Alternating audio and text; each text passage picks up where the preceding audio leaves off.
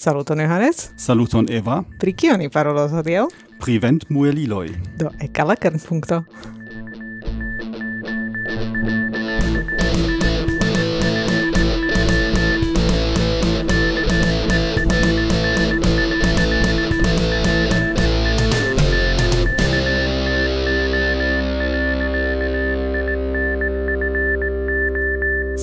saluton, ni salutas vin denove de nia uh, varmega uh, subtegmenta studio, eh, kiun uh, ni havas uh, Luizon en Torino dum la cent oca, cent oca uko. Cent oca uko, yes. yes. Mm. Kai, uh, do, daure provas uh, captadi homoin in la congresseio kai uh, eh, interconsenti la tempoin por registrado kai eh, cifoe ni estis successai kun Jesper. Jesper. Yes. Yes. Eh, yes. Eh, mi daure ne scias kiel prononci tim. Ciao. Povas diri Jesper. Jesper. yes, da.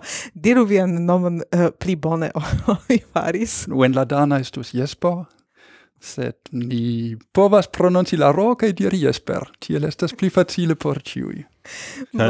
Kaj vi jam estis nia gasto, kaj vi jam, uh, vi jam uh, estis uh, do kiel uh, ni... Do estis uh, en kernpunkto cent tridek unu pri uh, quantuma teorio uh, antau uh, kvin jaroj kai äh, do äh, quantuma teorio estas ja via äh, profesio sed äh, hodiaŭ ni äh, ne parolas pri äh, quantuma fiziko äh, sed pri äh, temo pri kio vi havas ian äh, do ne profesian fascinon uh, yes. kaj tio estas uh, do mi diru uh, vi diris la historio de la modernaj uh, ventmueliloj do la nomo ventmuelilo ja havas tion uh, implicon ke oni muelas tio estas tio mit pra epokoj aŭ tiuj eh, äh, ex modernai mueliloi kiu usis la venton recte por mueli äh, eh, grainoi effektive effektive yes. oni, oni muelis grenon, sed nun oni, oni pli giuste parolu pri ventgeneratoro. Yes. Au mi ankaŭ diras äh, uh, ventenergiemaŝinoj fosfoje, Au mi ankaŭ aŭdis la ventradoj? Vent ventrekoltiloj, tio. Amata äh, infano havas yes. multajn nomojn. Yes, exacte. Kai, uh, do vi uh, diris ke vi havas ian uh, fascinon pri tio, do eble vi simple rakontu pri via fascino. Nu, no, eh, la unua parto de mia fascino estas ke mi mi naskiĝis en Danio. Kaj Danio estas lando en kiu oni faris multon por uh, evoluigi tiun industrion, Uh, kai existas tie granda entrepreno kun la nomo Vestas kiu exportas ventmuelilojn al, al la tuta mondo. Kaj je iu momento kiam uh, ili estis je, je la uh, pinto de la mercata proportio ili ili faris unu ventmuelilon el tri en la mondo. Mm -hmm. Nun venis Cinae entreprenoi, do ilia... Uh, ilia ratiumo iomete malcrescis, sed eh, uh, daure estas tiu entrepreno kiu liveris la plei grandan quantum da installita uh, eh, electra capacito en la mondo. Mm Kai do tio uh, fakte estas dana firmao kiu uh, sufiĉe frue ankaŭ uh, en iris tiun merkaton. Yes, do la firmao mem nascigis en ec antau 1900, sed ili faris iam tute alian, estis eh, forgeio pli mal pli, cae post ili comensis interesigi pri eh, uh, stalo, mm. Mm-hmm. cae la, la nomo estas proximum uh, eh, vest, vest estas uh, occidento, cae iam, iam pri stalo, do la, la nomo venas de tie sed ili nur komencis seriose okupiĝi pri ventmueliloj en la octeca jaroj. Mm -hmm, mm -hmm. Kai um, ehm, mia fascino interalie fontas el tio che mi conas iomete pri la prahistorio, char la precisa loco in occidenta Jutlando qui mi nascigis, eh, situas nur de quin kilometroin for de loco kie oni dum la septeca jaroi en tre amusae circonstanzoi construis uh, la plei grandan ventmuelilon en la mondo, cae gi restis la plei granda au plei uh, energiproductanta ventmuelilo inter 1970 gia ec funciigo, kai uh, eh, la jaro 2000 proximume. Ja, hier kie, kie estas tio exacte? Mm. Do estas en malgranda urbeto, villaggio, Ulfborg, mm -hmm kiu situas iomete for de mia naskiĝloko.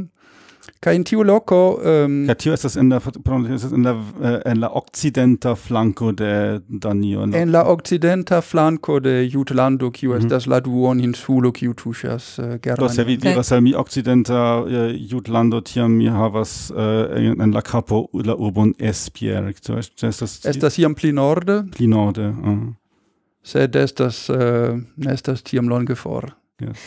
Kaj se vi diras ke tiam ili konstruis la plej grandan ventmuelilon en la mondo, do tio ne estis tiu malnova ventmuelilo, grande gastona, ronda uh, konstruaĵo kun la granda lignaj ne ne eh, estas nederland ne estas neder, nederland tipaj ventmueliloj kiuj fakte muelis ion eh, do la ideo estis produkti energion ne necese elektron sed pri tiu mi eble poste iomete parolos.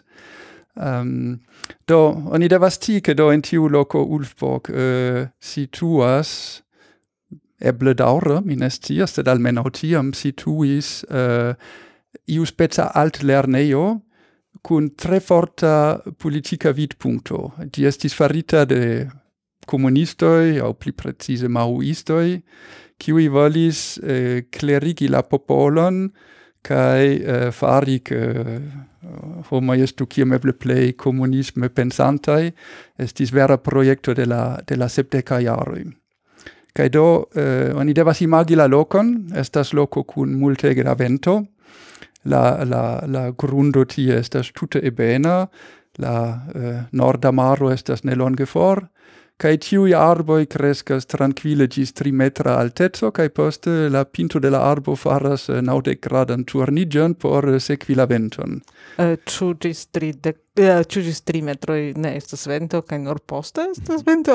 Se ĝi staras malantaŭ domo, di povas eble cresci gis quin metra altezo. Do, Sed vente estas cie, ne nur uh, iom pli for de la tero. Estas sencesa vento. Mm -hmm. Do, uh, kai to tie ili konstruis alt lerneion, kiu tiam havis quartcent, uh, eh, proximum quartcent lernantoin kai uh, instruistoin. Kai kiom granda estas la, la urbeto? Gi estas malgranda, uh, loĝas eble mil, mil personoi, au... Ne, kai ne, quartcent studentoi. Kai do tie en loco kiu ec estas exter mm. la villaggio, mm. en tute... Uh, Eh, deserta loco estas do ili construis tiuin antau fabrikitain domoin en la stilo de la septeca jaroi. Do ili vere fondis quasi la novan uh, urbeton per tio. Estis nova urbeto. Mm -hmm. Kaj la problema estis che malgrau iliai dicae tricitae lanajoi de la septeca iaroi, ili rapide malcovris che tia oni malvarmas se oni met, ne metas varmigilon. Kai in antau fabricitai domai la plei facila estas usi electra in varmigiloin, kai la vento estas tiam forta che la varmeto rapide iras for, kai in la jaro septec tris, septec quar, ili comensis discuti en la supera gvida organo iuspeca soveto, kiu nomidias la U-grupo, ciu ne estus pli intelligenta solvo al tio, exemple, ciu oni povus mem producti sian energian, exemple, per uh, suno, au per tervarmo, au per vent energio. Cae do dum la tuta jaro septequar, ili comensis clerigi, char, char tiu estis parto de ilia mauista proiecto, estis clerigi, Kai ili legis pri ventmueliloi, kai ili... Ili volis trovi spertuloin pri ventmueliloi. Kai tiam okazis io amusa, giuste in la televido, ili tamen havis televidon tie, estis uh, elsendo pri spertulo, au almeno entusiasto pri ventmueliloi, kiu clarigis ke Li havis projekton konstrui norman ventmuelilon kiu povus doni la energion al tuta insulo. minuto in post la fino de tiu elsendo, la estro de la comunista lernejo telefonis eh, uh, al li diris ke li chatus ke li venu por clarigi kiel li, li povis realigi tian. Do nun oni devas compreni ke do la, la estro de la lernejo kiu nomitis Amdi Petersen, uh, estis vera vestita kiel tipa comunisto dum de la sepdeca jaroi, dum tiu alia persono, uh, kiu nomitis Hans Lausen, estis ingeniero, li veturis en jaguaro, blanca jaguaro, uh, li havis mm -hmm. belan costuman cun cravato, sed lia jaguaro tamen successis uh, eh, trovi la voion dis Ulfborg, cae uh, tie do li rencontis tiun personon. Do, um, oni devas eh, uh, compreni che la indianiero lau siai proprae vortoi, estis tiam de extrema politike kiel ebla sen esti nazio. Mm -hmm. Do li, li interalie ne volis pagi imposton, ciar uh, eh, li ne credis che la stato estis iu bona, kai ili havis facte nur unu comunan intereson, Estis vent mueliloi. Do ĉar li ambaŭ volis esti il sendependa de la stato de la yes, publica infrastrukturo. Ili venis el tute malsamaj eh, vidpunktoj politike kai, kai, kai socie kai do ilia intereso estis fari ambitian projekton pri ventmueliloj. Mm -hmm. Do ili komencis discuti, Amdi uh, diris al Laosen do Shainas che vi estas specialisto pri ventmueliloj, tiu convenas al mi. Mi havas tri condicioin. La unua condicio estas la flugiloi, se oni povas diri de la ventmueliloi, de ventmuelilo devas esti el vitro fibroi. char mi legis che eh, iu germana specialisto, kiu nomidias eh, Ulrich Hütter, eh, comensis usi tiun materialon por ventmueliloi. Tiu estas la unua condicio. Kai poste li rigardis la ingenieron per tutte minazza e malgrandai oculoi, kai diris la dua condicio estas che neniu el ni devas gaini monon el tio. Mhm. Kai tutte aparte, se vi pensas che vi devas preni patentoin pri io cion vi malcovras, vi povas iam forgesi pri tio. Do oni povas imagi che la ingeniero mm, eh, glutis, kai diris nu, kai la tria condicio, La tria condicio estas che la vent muelilo devas esti la plei granda in la mondo. yes. Kaj do per tio, post tio ili scuis la mano in uno de la alia, kaj... Do vere eh, uh, anca successis uh, eh, resigni pri ciu sian patentoin? Li simple post iam da pripenso concludis che lia interesso pri vent muelilo estis pli granda o lia interesso pri mono. Sed mi ancora ne comprenis do tiu, tiu eh, uh, altlernejo, uh, eh, kial uh, tiu ingeniero besonis la altlernejon por, por la projekto, ĉar ili esis la nurai kiui volis effektivigi la ideon. Oh. Ah, do la, la ideo estas ke oni ancora besonas labor forton por konstrui ventmuelilon. Kai la quartcent personoi kiuj trovigis tie in la altlernejo Ili tiui vivis en tiu spezza uh, eh, comunisma utopio, ca ili precis labori tutte sen page. Ec pli, ili comensis annonci la proiecton en la, en la gazetaro, ca ili altiris comunisto in ie de la tuta lando, ciui pretis veni ca usis sian libertempon por construi tiun ventmuelilon. Mm -hmm. Do jetzt kaj do tias es do, do vaŝajne vi diris sed kiam estas mi forgesis Septek ok Septek. do estis ili ili uh, parolis pri la ferro ekte septek kvar kaj la grava renkontiĝo okazis äh, do fine de septek kvar kaj la laboro komenciĝis en septek kvin Do tio estis tempo kiam fakte la ideo usi venton por eh, uh, gaini elektron ankaŭ ne estis temo, ĉar oni ne parolis pri iaj klimata ŝanĝiĝo aŭ ia energikrizo. Ne, kaj fakte eĉ pli surprize quancam fin fine montrigis che post gia fin construigio la muelilo ja facte construis electron ecte septec hoc, la, uni, la unua ideo ne estis con, um, usigin por fari electron, sed simple por varmigi la domoin. Mm -hmm. Varmigi la domoin, do tio signifas... Uh, eh, yes, eh, do, nun... Kiel ili planis tion fari, dosen... La ideo estis suffice frenesa, do unue ili volis construi turon por teni la ventmuelilon, kiu devis havi altezon de quinde quar metroi. Cai la turo havis iu spezan celan regionon en la malsupro, kie ili intensis meti grandan cisternon cun aquo, mm -hmm. ca ili, ilia ideo estis transmisii tut simple la movigion de la vent muelilo aliu enorma kirlilo, kiu devis kiri la aquon, cae tiel varmigi gin, Kai post ili volis circuligi la aquon in la construajoin por tiel varmigi. Oh, tio mi havis tiun genian ideon iam de longe, trum ciam shorta diris, ciam mi havis la malvarman kafon, ke mi devas nord kirli pri, eh, iom pli rapide, por varmigi la kapon. Jes, ĝis kiam la atomoj ekvibras iom. Eble vi konas la faman historion pri la fizikisto Julo, ĉar eh, ĝuste kiam Julo presentis sian idean che ke varmo estas varmigio de molekuloj, kiuj diris al li, ba, estas bela teorio, sed se vi vere kredas je gi vi devus esti capabla varmigi aquon en glaso se vi simple scuas la glason kai e, eh, tion li ja faris pruvis, ke lia teorio estas ĝusta. Aha. Sed ne estas... Mi estas geniulo. Estas efika maniero fari? Evidente ne, mi ne sukcesis varpigi mian kapon. No. Mi pensas ke ne estas tiam efika, mm -hmm. sed ankaŭ pri tio ni, ni eble povas, iam ni povas reveni al tio.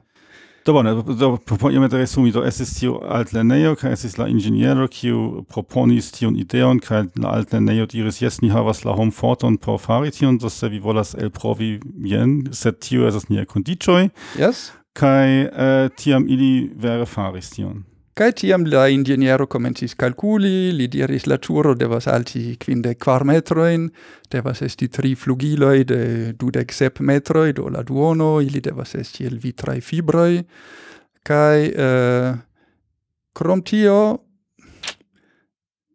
la tuta ideo kiel realigi la lastajn in pri la transmissio kai tiel plu, ili fakte ne estis tiam clarai, sed tiu ne malebligis al la entusiasmulo iam comenci almeno construi la turon. Mm -hmm. Ili ec construis la turon, ili rapide malcovris che nestas facile simple voci entreprenon cae peti tiam da betono, oni besonas... Uh, Oni besonas ducent eh, tunoin da, da betono por construi tian turon, cae do ili successis mem aceti la stoneroin, ili acetis la cementon cae komencis mem mixi. Ili ancau havis la idean ke por construi tian turon ili volis fari gin per uh, uh, shell sistemo. Uh, do tio estas ke oni uh, fa, uh, oni uh, construas, oni oni oni versas la betonon en unu sola processo, oni havas iun forman kiu estas ŝelo, kiun oni movas supren du centimetroin tiun mm -hmm. horon proximume, kaj oni enverŝas eh, uh, usante uh, eh, gruon kaj siteloin, oni inversas la betonon de supra kaj oni daŭrigas tiel ĝis ĝi altas kvindek kvar metrojn. Mm -hmm. mm -hmm. Kaj dum tiu tempo uh, oni povas komenci pripensi pri la aliaj teknikaĵoj. Nu, oni devas imagi el si kiel oni ec construas, compreneble ciui estas egal raitai, cio ne estas comunisma utopio, do cutime estas la urbestro kiu venas... La plei niv nivelo en la socio havas plei grandan... Uh, uh, te, eh, pli pravas, pli alte en la comunisma partio pli pravas pri la tekniko. Mm, yes. yes. Do estis tamen tiu U-grupo, kiu devis tion gvidi, sed Kutime oni venigas iun famulon por per la spato fari la unuan mm -hmm. uh, uh, Eh, simbole formeti la unuan teron, sed tie ili uh, prenis ciuin shoveliloi, eh, shoveliloin cae spatoin ciuin ili havis, cae tiui ciui ne povis trovi, ili usis culeroin au te culeron, quartcent personoi samtempe prenis la unuan te culeron da, da tero, cae poste ili e construis. Do kion kion fakte diris la homoj en la afuda vilaĝo ke tie iaj komunistoj kaj ia iomete dubinda inĝeniero konstruas ian turon? Ĉu Nu, nu ili devis peti konstrupermeson. Mm. Tion ili faris en marto septe kvin. Kaj eh, uh, felice eble la municipo tute ne kutimis pri ventmueliloj. Ekzistis neniu ajn regulo pri ventmueliloj, Mm. Kaj ene de nur du monato ili sukcesis havi la permeson en majo, kaj do tiu unua ŝpata fosaĵo estis en, en la fino de majo. Kaj optimisme ili diris, ke la turo devis esti preta por kristnasko. Mm -hmm. Do duona jaro pli malpli. Duona jaro. Sed intertempe ili do devis komenci pripensi pri la pli seriosaj e kai uno el la seriozaj aferoj estis i flugiloi el vitraj fibroj. Kiel oni povas konstrui tion?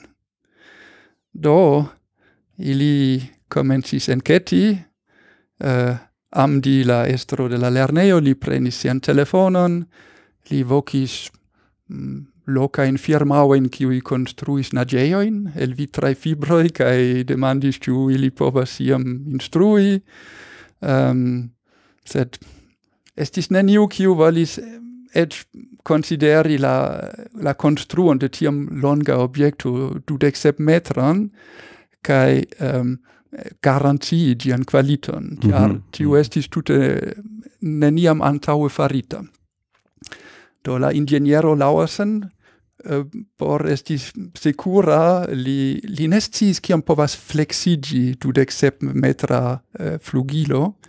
Kaj do pro tio li decidis ke la vento devis veni de malantaŭ la ventmuelilo. Do unue la vento pasas tra la turo kaj nur poste ti tufias mm -hmm. la flugilojn. Ĉar se la vento estus tiom forta ke di flexas tro la flugilojn kaj se la vento venus de antaŭe ilia riscus uh, fracassigi contra la tua. Ah, yes, mi comprenas, yes. Mm. Do, ili besonis dos ci cil funcciis eh, uh, vitrae fibroi, cae ehm, um, ciaro ni lernas farante en la comunisma utopio, ili simple construis unue boaton por fish capti. Fischian cutron ili construis el vitrae fibrae nur por lerni, cil funccias la afero. Ili et construis quartiaen boatoin. Kai pasta, de nove ili trovis uh, sian uh, telefonlibron, kai pensis nu, eblen la flughaveno de Copenhago, oni scias ian pri tiai flugiloi, char aviadiloi ja usas propeloin, Do la ulo fakte telefonis al la flughaveno en Kopenhago kai diris, ĉu vi konas specialistan pri propelloi? Kai li trovis ingenieron kiu estis uh, specialisto pri propeloj. Tiu ingeniero siavice kontaktis du aliaen collegoin, kaj je tiu momento ĉiuj tri fakte profesie laboris ce la atomenergicentralo Risø apud Copenhago. Mm -hmm. Oni devas compreni che la comunistoi volis construi ventmuelilon, char ili estis contra atom energio, sed ili faris allianzon cun tri junai ingenieroi qui estis specialistoi pri atom energio. Tiui ingenieroi devis peti permeson partopreni el la proiecto, Kai la estraro de la atomenergicentro diris al ili estas en ordo, condici che vi faras tion nur dum via liber tempo, kai condici che vi neniam parolas pri via agado pri atomenergio. Mm -hmm. Kai tion ili ja do faris. Kai do, cun tiui tri ingenieroi, kai tiu kiu construis la turon, kai la estro de la lerneo, Ili decidis fari etan excursion al Stuttgarto in Germanio, kie estas tiu fama uh, Ulrich Hütter. Mm -hmm. Ulrich tio, tio, kiu inventis tiun principon kun la uh, vitro. Eh, uh, yeah. li, li estis pioniro pri construo de, uh, de vente mueliloi, sed nun estas ec pli amuse consider, consideri la, la, la politica in vidpuncto. En tiar Ulrich Hütter estis ex-nazio. En 1943 et ciu partio cunidis. en 1943 li proponis al la nazioi grandan proiecton pri ventenergio. Sed en 43 ili havis iam iam da aliai prioritatoi cae do la afero neniam vera realigis, sed li ja construis aviadilojn por la nazioi.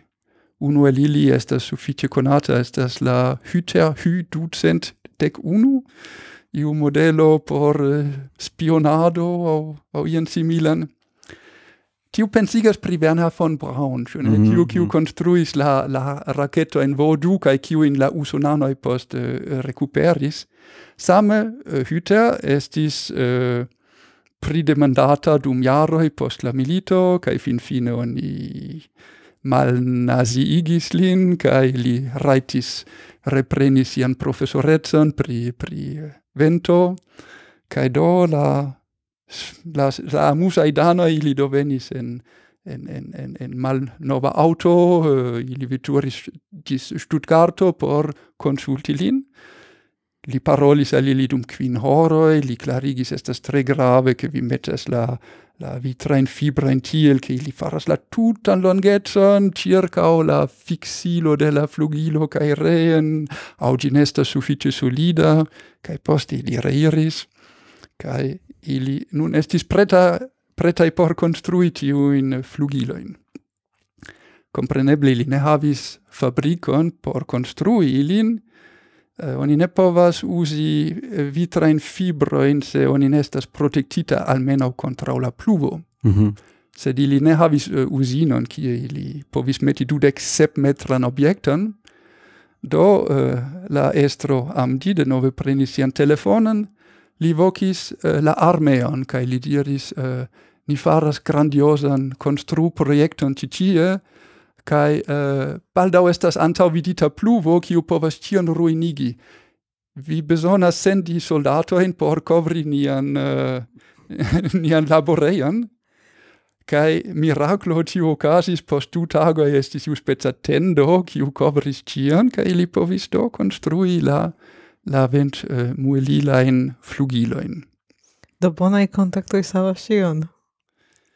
Do la musajoi ne finidias ĉi tie, ĉar eh, poste oni kunmetas la tri flugilojn, oni metas ilin sur la nacelo kai oni devas tian hisi sur la turo kiu intertempe estis preta.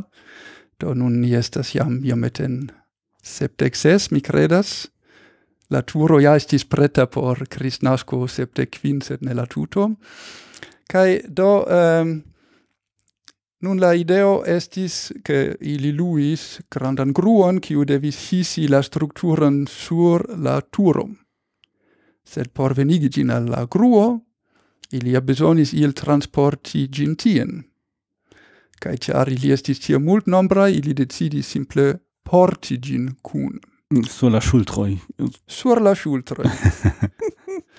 Do ili venigis ciuin virin, eh, ciuin virain, pardonon, ciuin virain, ciui portis la, eh, la flugiloin gis sub la gruo, cae poste intertempe la virinoi faris cunigion, cae ili faris declaron, ili diris nine samopinias, oni ne usis nin por portigin, do ili discutis dum du horae la loca entreprenisto cun la eh, cruo li pacienze attendis.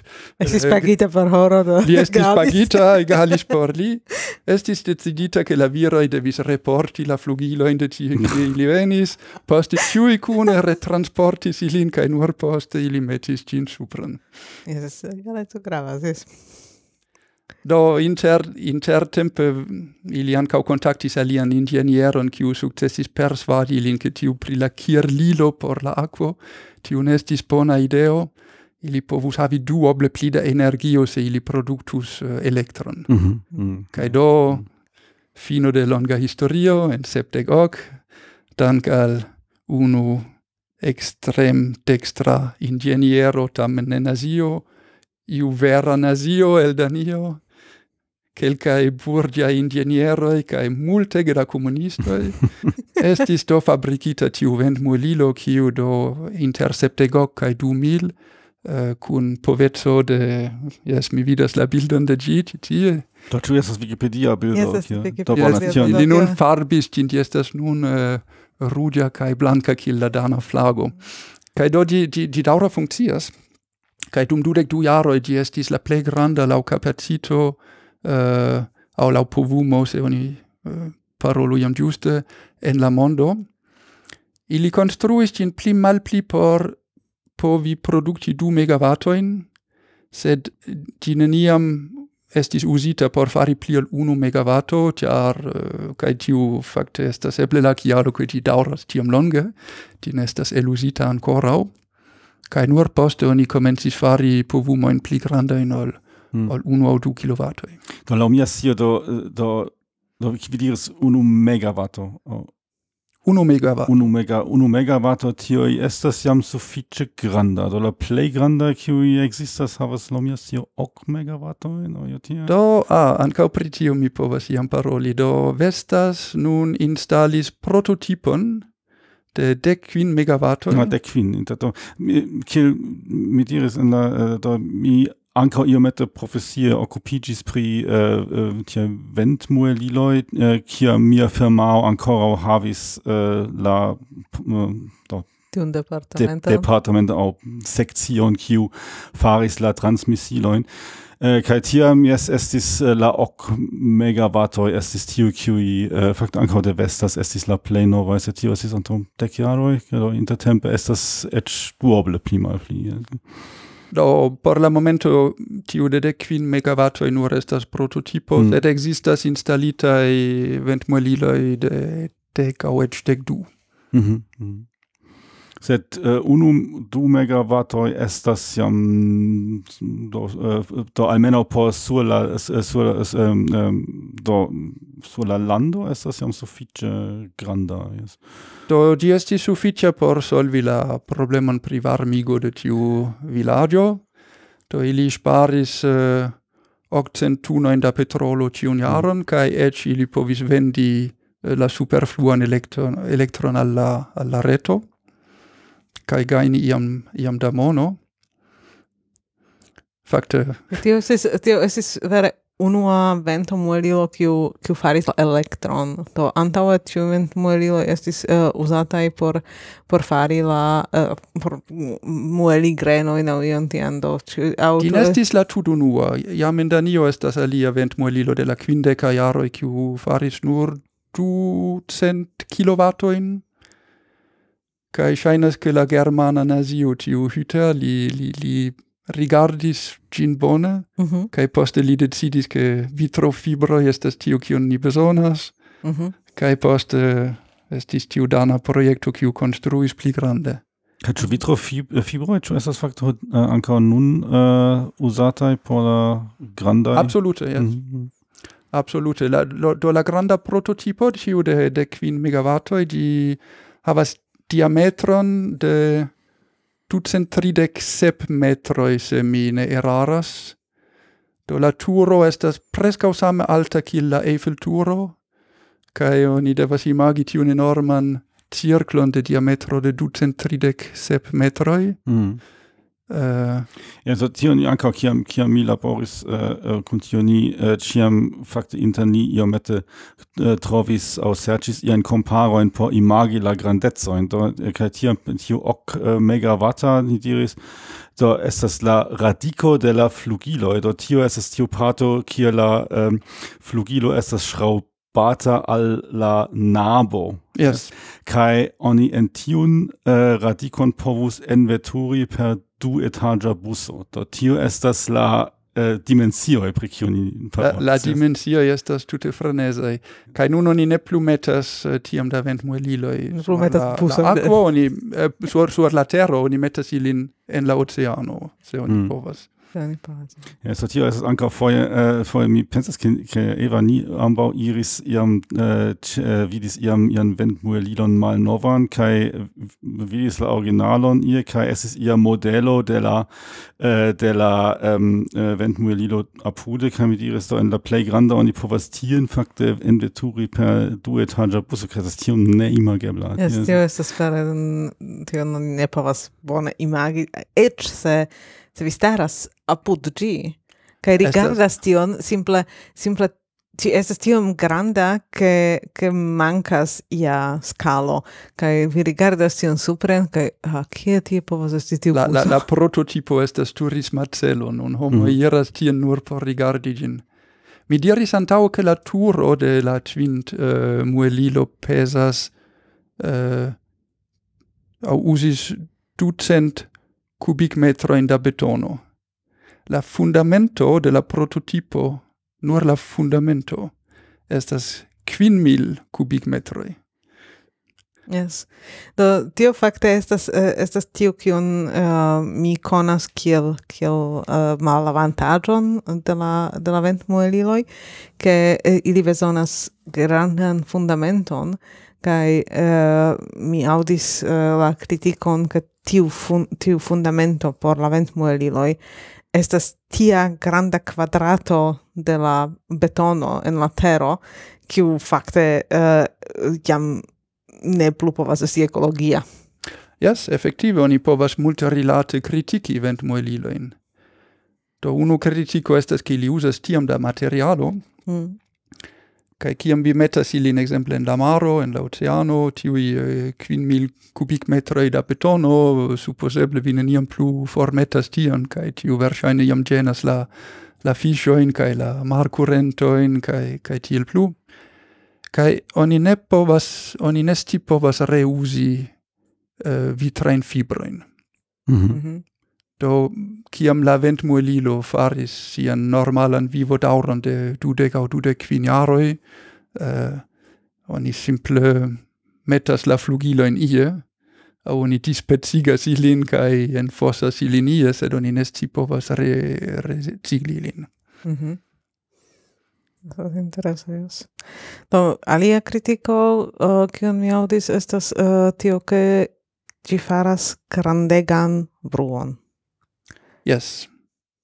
Estas vera che tiam grandai ventmueliloi faras grandegan bruon. Estas ancao vera che ciam ili faras grandan bruon, cutim estas char estas multe da vento. Hmm. Yes, uh, do la tam, tamen oni oni audas bruon kai uh, ci estas pli lauta ol la vento mem. Yes. Do kiam oni, kiam oni staras je la piedo de, de ventmuelilo estas kiel stari apud uh, granda camiono kiu, kiu funkcias, au eb, eble iomete pli. Kutime, lau mia sperto, se oni foriras de 300 metroi, oni ne plu audas. Sed, kio, kio fakte estas tio, kio causas tion bruon? Tu estas tio... De la vento contra la flugiloi, mi imagas. Kaj io mette la, la nabo eble ĝi faras iuspecan Sed oni povas ja oni povas ja facile kalkuli, do se uh, do mi iam uh, kalkulis tion eh, uh, uh, ankaŭ kiam mi vidis tian uh, ventmuelilon, do se vi uh, mesuras la tempon, kion ĝi bezonas unu foje turniĝi kaj tiam uh, do pli malpli taksas la diametron de la de la uh, cirklo kaj tiam kalkulo kiom rapida estas la pinto de la flugilo kaj tio estas Cake sind Kilometer in Hohe. Also das, das uh, ist das suficie rapide. Kai tiam oni devas uh, con, uh, consideri tion do kiom bruo estas exemple auto en la autoŝoseo kaj kaj tio uh, ankaŭ tio estas se vi komparas bildon de malnovaj flugiloj kaj la nuntempa estas iomete simile kiel ankaŭ se vi komparas uh, do flugilojn de aviadiloj la formo fariĝis multe pli aerodinamika kaj li havas ankaŭ tiujn etajn angulojn en la pinto kiun ankaŭ aviadiloj havas. Yes, la fama la la pitch buŝo ankaŭ uh, tiu afero kiu faras ke la vento bone ekkaptas mm. ĝin kaj kompreneble oni devas povi turni la tutan nacelon. Mm. Kiu mi ne Sed tion ili jam povis en, en la en en en tiu de sepdek ok mm. pri kiu mi parolis. Sed kion mi ne komprenas estas uh, do se mi konstruas tiun paperan ventmuelilon, kiun infanoj kutime havas kaj yes. ludas kun ĝi. Oni venas al la balkono, metas la uh, la uh, tiun, tiun ventmuelilon al la balkono kaj ĝi fakte eĉ mem turniĝas uh, al la vento kaj kaj komencas tuj turni kiel freneze.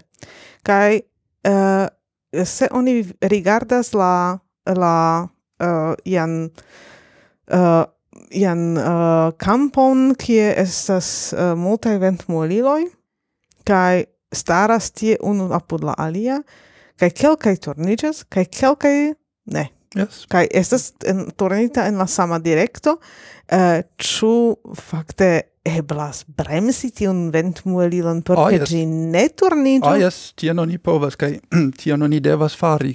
Se estas tro granda vento, porca che gine frenese eh, turnigiu tiam tiam multe che di di di rompigias oni devas gin bremsi.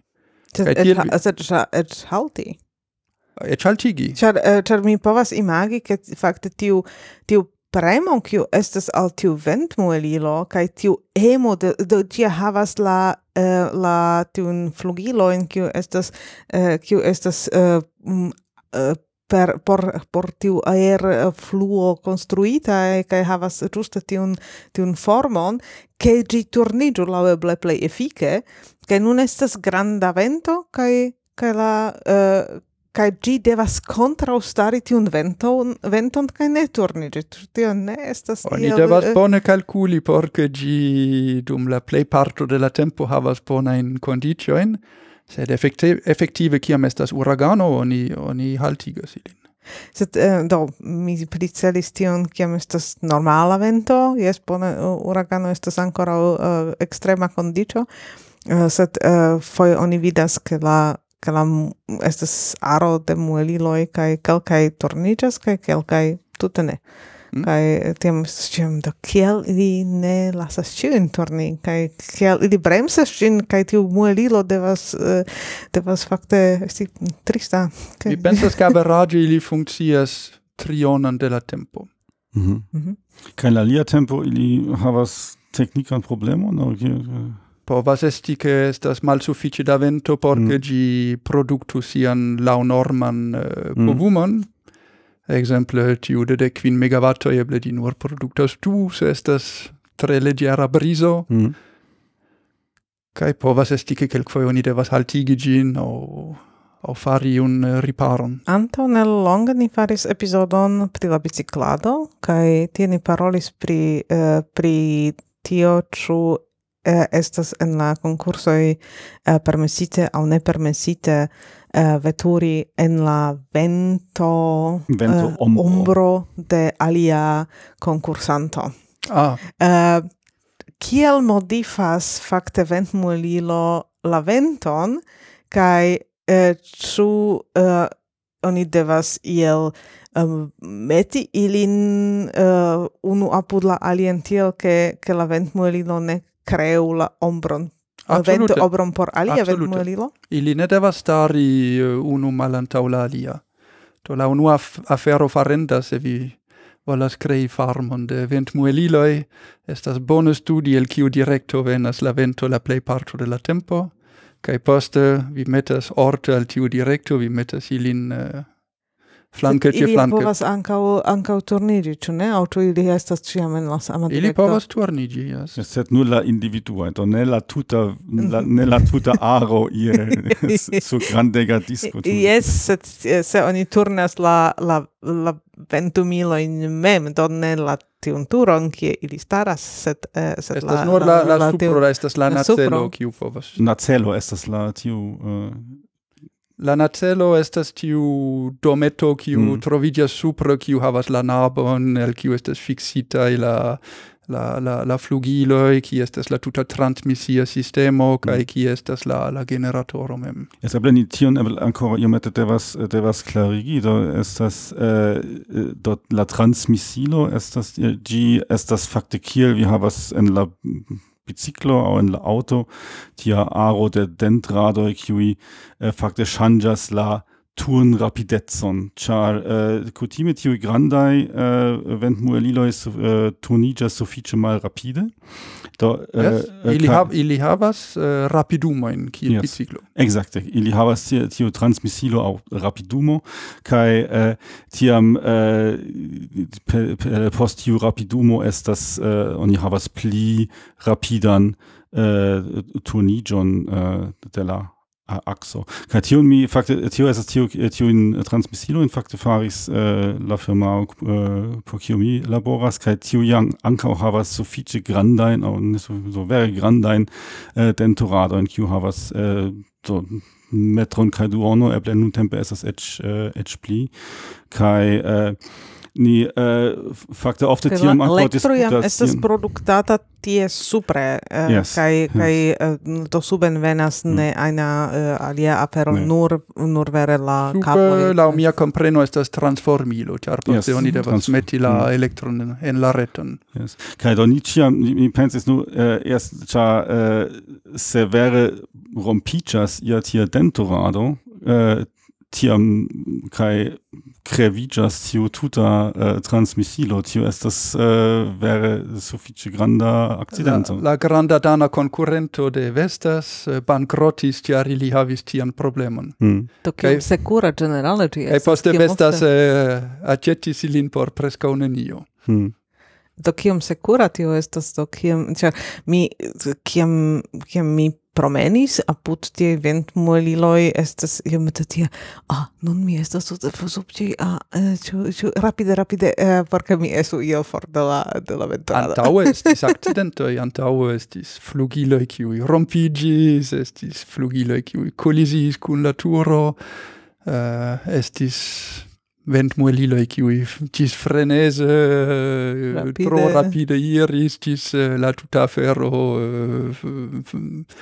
forpafigis, sed tiu in problema in ili, ili solvis. Hmm. Do, tu ancora occasas ie tie uh, tie uh, ka, eh, um, catastrofoi au au tio estas uh, estas la afero de la de la pasinta jardekoj? Mi pensas ke estas afero de la pa, pasinta jardekoj. Mm. Mm -hmm. Do tio ja ankaŭ estas tie ke eh, kion ni ĉiam havis en eh, ke ili devas vere esti fidindaj, ĉar eh, do nuntempe oni ja tiajn grandajn kaj multekostajn eh, maŝinojn eh, instalas eh, sur la maro kaj eh, se io defektiĝas kaj oni devas tiam tien mi ne scias per helikoptero eh, eliri, tio ĉiam estas grandai costoi kai eh, do oni laueble evitu ein ein defekto in die literas simple sendepende fidinde eh, tunigi tunigi tunigi ca ciu effecto estas eh, tui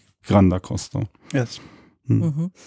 kai uh, se ni parolas pri tiu en la maro eh, uh, chuf uh, eh, do kia maniere ili estas uh, fixite ĉu la fundamentoj estas uh, vere gis do devas esti mal profunda maro au uh, au ili havas ian ian stabiligon ke ili povas ankaŭ esti sur ia uh, sur ia uh, do min diru boato sed sed ia mm ia web na ke ke estas justa vorto flosi. flo, flosanta yeah. uh, do gis nun gis nun ili estas fixitai estas kelkaj existas experimentoi pri flosantaj ventmueliloj. Mm -hmm. Sed la mia compreno, nu, estas mia pandona laboro, tio ne, sed mi, mi, mm. mia compreno estas che tiu ne bone funccias cis. Tiu, kiu nun estas, ĉu vi, ĉu vi havas ian, ian imagon, kiom profunde estas tiu maro, kie ili, ili fixas tion? Kaj kiom profunde poste iras la fundamento? Do compreneble oni preferas loco in kie mm, Exemple, do fiŝkaptistoj bone scias, che estas parto de la maro qui in estas tiam profunda e che mi supposa che li electas tia in loco in kie qui la profundeco ne estas mesura compreneble oni ne povas, kiam kiam la aquo profundas 1 kilometron, oni ne povas meti vent molila Mm, mm. Mm. Yes.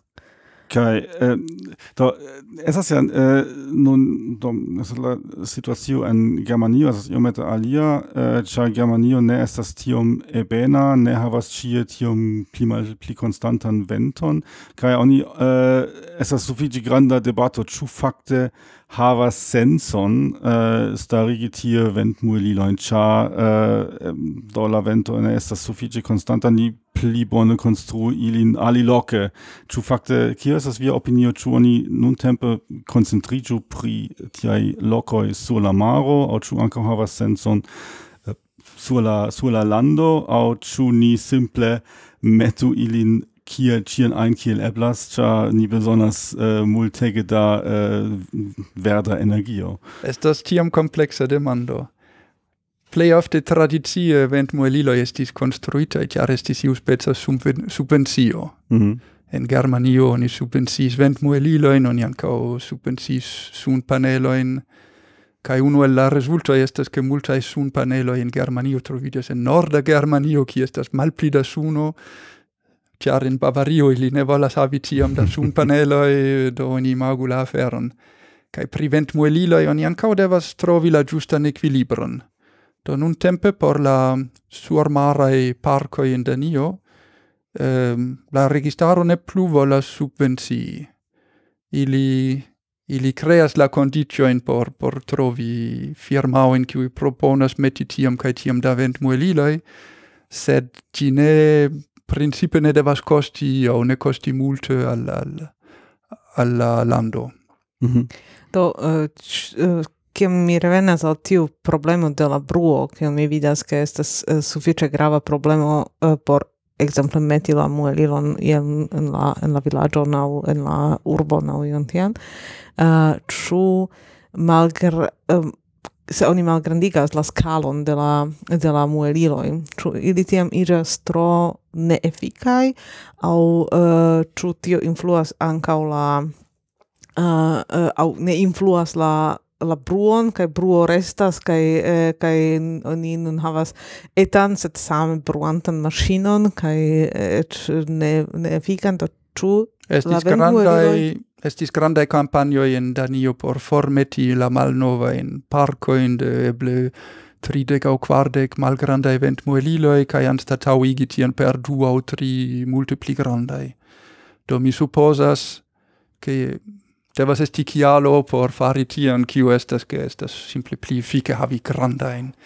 Mm -hmm. Sed iu momento, kiam ili jam havas la grandezon de la Eiffelturo, au presca, oni povas demandi sin, ĝis kia frenesetso oni do. povas pli largigi la dimensioin. Yes, uh, do, se ni parolas pri tio, mi pensas che generale uh, estas la solvo de la aliai formoi che estas eh, uh, tiu verticalai qui qui turningas kai tiam mi vida mi vidis che estas ankaŭ iomete pli etaj kiu povas funkcii ankaŭ en la urboj kai do eble eble tio estos la solvo kaj tio ni povus venanfe.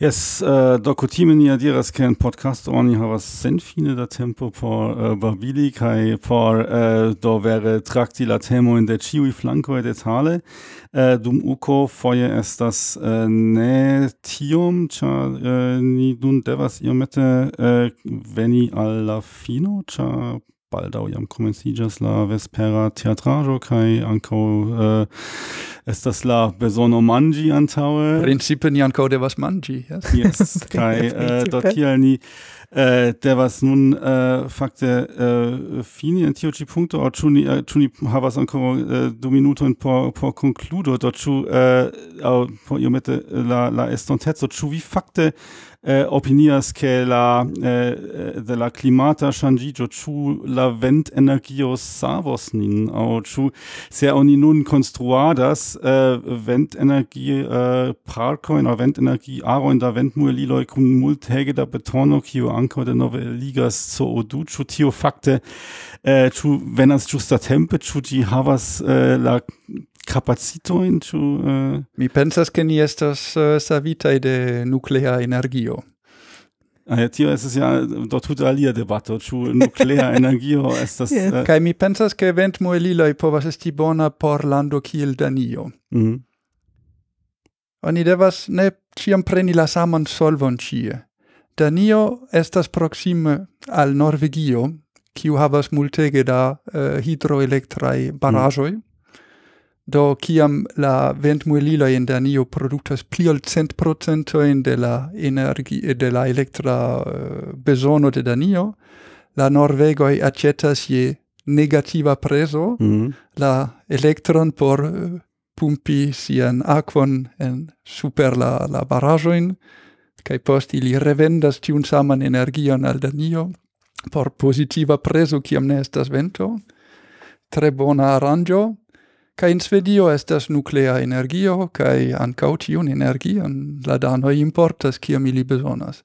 Do ni besonas equilibron inter malsama energiformoi, ca oni besonas bonan elektran reton, kiu povas transporti la elektron de tie, kiu oni povas cin producti, gis tie, kiu oni besonas cin. Ca sur la, la scalo de, de tuta continento in Europo, mi pensas che vent mueliloi maximum estas parto de, de mm, la mm, solvo, mm, mm, mm, cae che oni besonas iun basan uh, provision da electro, kiu lau mi plei opportune venas el atomenergio. Mm -hmm. Bone. Do dankon. Mi pensas che... Dankinde. Ni povas tie fini, kai uh, eh, jes do por uh, por savi la energian problemon ni devas komplekse pensi kaj ne koncentriĝi al unu afero nure sole kaj yes, kaj eh, um, kombino inter vere multaj solvoj kaj komplexa kompleksa afero. Kaj doni uh, eh, do dankas al uh, Jasper por la uh, dua contribuo contribuo al nia podcasto kaj ni ankaŭ dankas al niaj aŭskultantoj kai ni adiaŭas kaj ĝis baldaŭ. Ĝis. Ĝis.